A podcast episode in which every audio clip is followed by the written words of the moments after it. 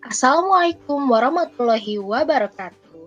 Halo dia best friend, selamat datang di podcast kesehatan. Kali ini kita akan membahas tentang diabetes. Apakah dia best friend mengetahui diabetes merupakan salah satu penyakit yang paling banyak dialami di seluruh dunia?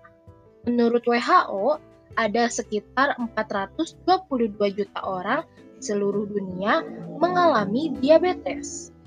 Diabetes sendiri memiliki dua tipe utama, yaitu diabetes tipe 1 dan tipe 2. Namun, adakah di antara diabetes friend yang pernah mendengar diabetes tipe 3?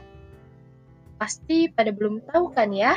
Yuk kita cari tahu fakta tentang diabetes tipe 3 ini.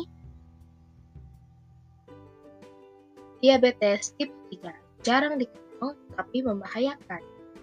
Ya, diabetes tipe 3 adalah kondisi yang disebabkan oleh kurangnya suplai insulin ke dalam otak, sehingga dapat menurunkan kerja dan regenerasi sel otak dan memicu terjadinya penyakit Alzheimer.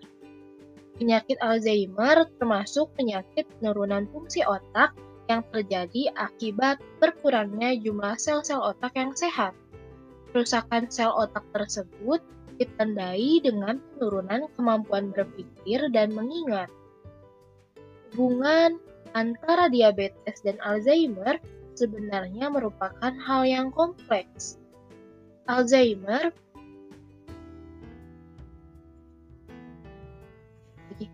Penyakit Alzheimer termasuk penyakit penurunan fungsi otak yang terjadi akibat berkurangnya jumlah sel-sel otak yang sehat. Kerusakan sel otak tersebut ditandai dengan penurunan kemampuan berpikir dan mengingat. Hubungan antara diabetes dan Alzheimer sebenarnya merupakan hal yang kompleks.